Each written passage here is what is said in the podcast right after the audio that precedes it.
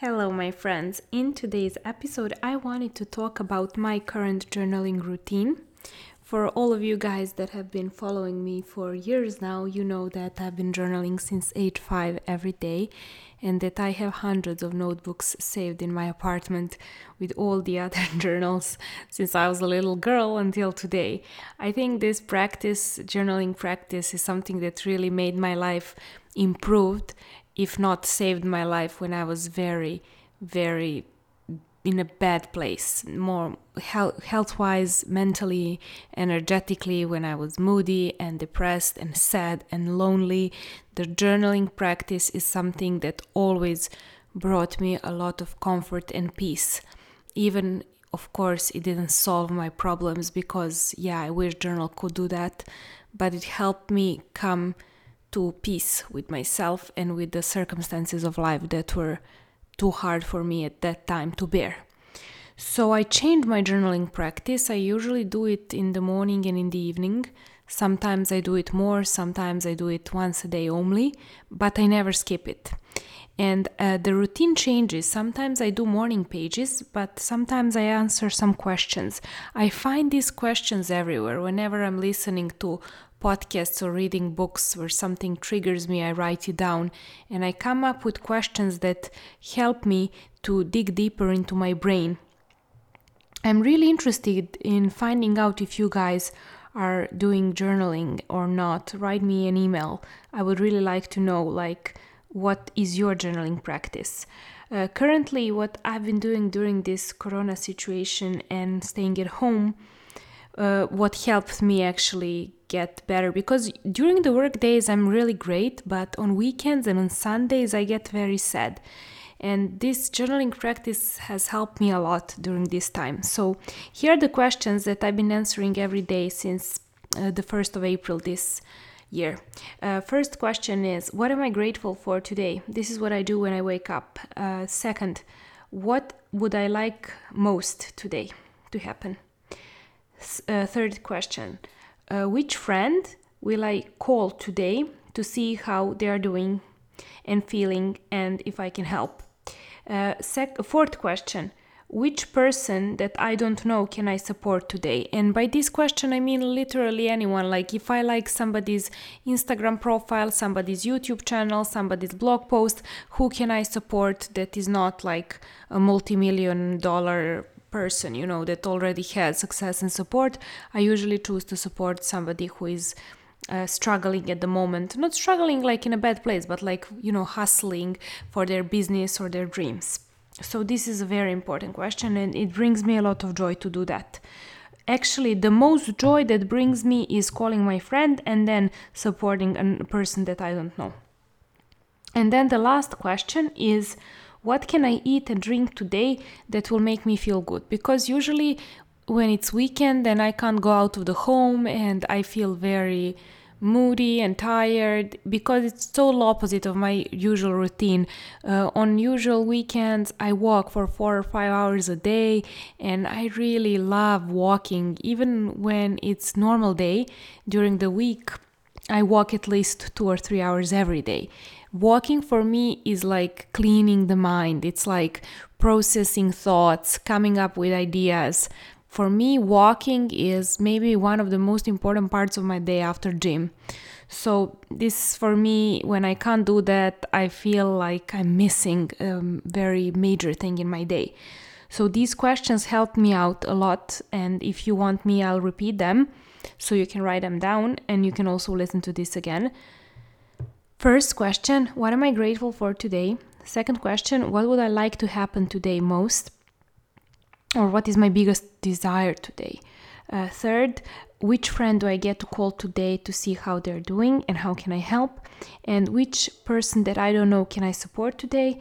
And what do I wish to eat and drink to feel better? As I said, if I don't plan to eat or drink something good, I could literally live on chicken McNuggets and Haribo gummy bears. Like, I'm not even kidding. One day I only ate that for the whole day and I couldn't sleep because my stomach was like, What did you do to me? So I hope these questions helped you out. Uh, and also, if you speak Serbian, I have three journals that I two of them I'm no longer selling, so you can get them as gift for free. First of all, first of it, uh, the journals was launched last year.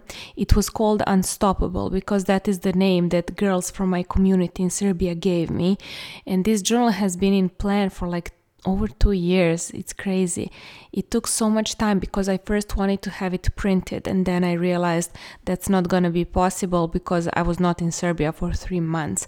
And it would be almost impossible to do it all remotely and to send it to all the ex Yugoslav region Croatia, Bosnia, Macedonia, Montenegro that I love. And I have a lot of people that read my blog since 2011 that are from those countries. And I couldn't not send it to them. And then i couldn't send it because the customs and all of the stuff it's so complicated in this in my country in serbia. So i decided to put it online and that journal is for people that are journaling for the first time in their life.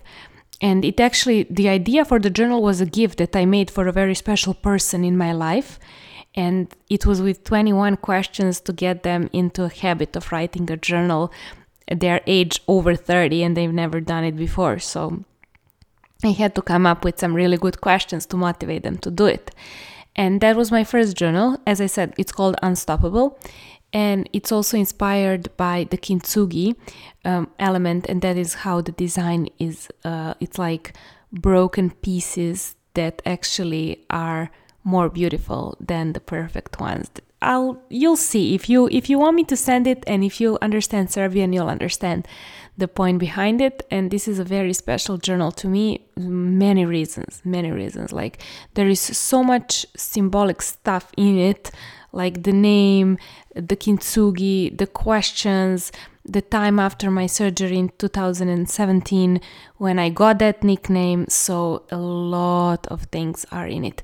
And then my second journal was launched in November uh, last year also because uh, November is the time when I always sit down and basically write the whole notebook from like first page to the last page with my plans for the next year. And this journal is basically a plan the way I plan my year. So it contains 100 questions that helped me tackle all the aspects of my life and to have an overview on what I would like my next year to be. So this journal was also on sale. It was $15 just like the first one and right now since 2020 we are like half there. So I can gift you this journal. There is no need for you to pay. And then the third journal that I'm launching this year on May 1st is Business Journal. And this journal contains all the questions and more that I ask my private clients that come for coaching and consulting. And the reason I made the journal is because a lot of ladies can't afford my hour one hour consultation and they want these questions and they could serve them and help them out. They can do it by themselves and it will also be a really great experience. So that journal is $15 and it's also in Serbian. So if you understand Serbian, I highly recommend you purchase this journal because it has amazing, over 100 amazing questions that are all about marketing, sales, visual identity design, collaboration, and so much more. Like if you have a digital business or you sell courses or ebooks, you really need this journal. And as I always say, like my happiest customers are women who sell digital courses and ebooks, and especially those that are psycho therapists, that are life coaches, that are English, French, German, or Italian language tutors online of course and the ladies that are in fitness health and wellness industry. So those four are my biggest like clients and that have the best success. So if you're one of those four either you're in psychologist or you're a life coach or you are in the linguistic business or you're in fitness wellness and health let me know uh, if, and I can tell you li- literally if this journal is for you. So, I really hope you enjoyed today's episode. And if you want me to send you those free journals, the first one and the second one, and if you speak Serbian, let me know. If you don't speak Serbian, I can gift you my free branding ebook that can help you rebrand yourself because I believe every summer is a great opportunity to completely rebrand your look and your closet and also your digital space. So, whatever you would like me to gift you, shoot me an email and I'll be happy to help.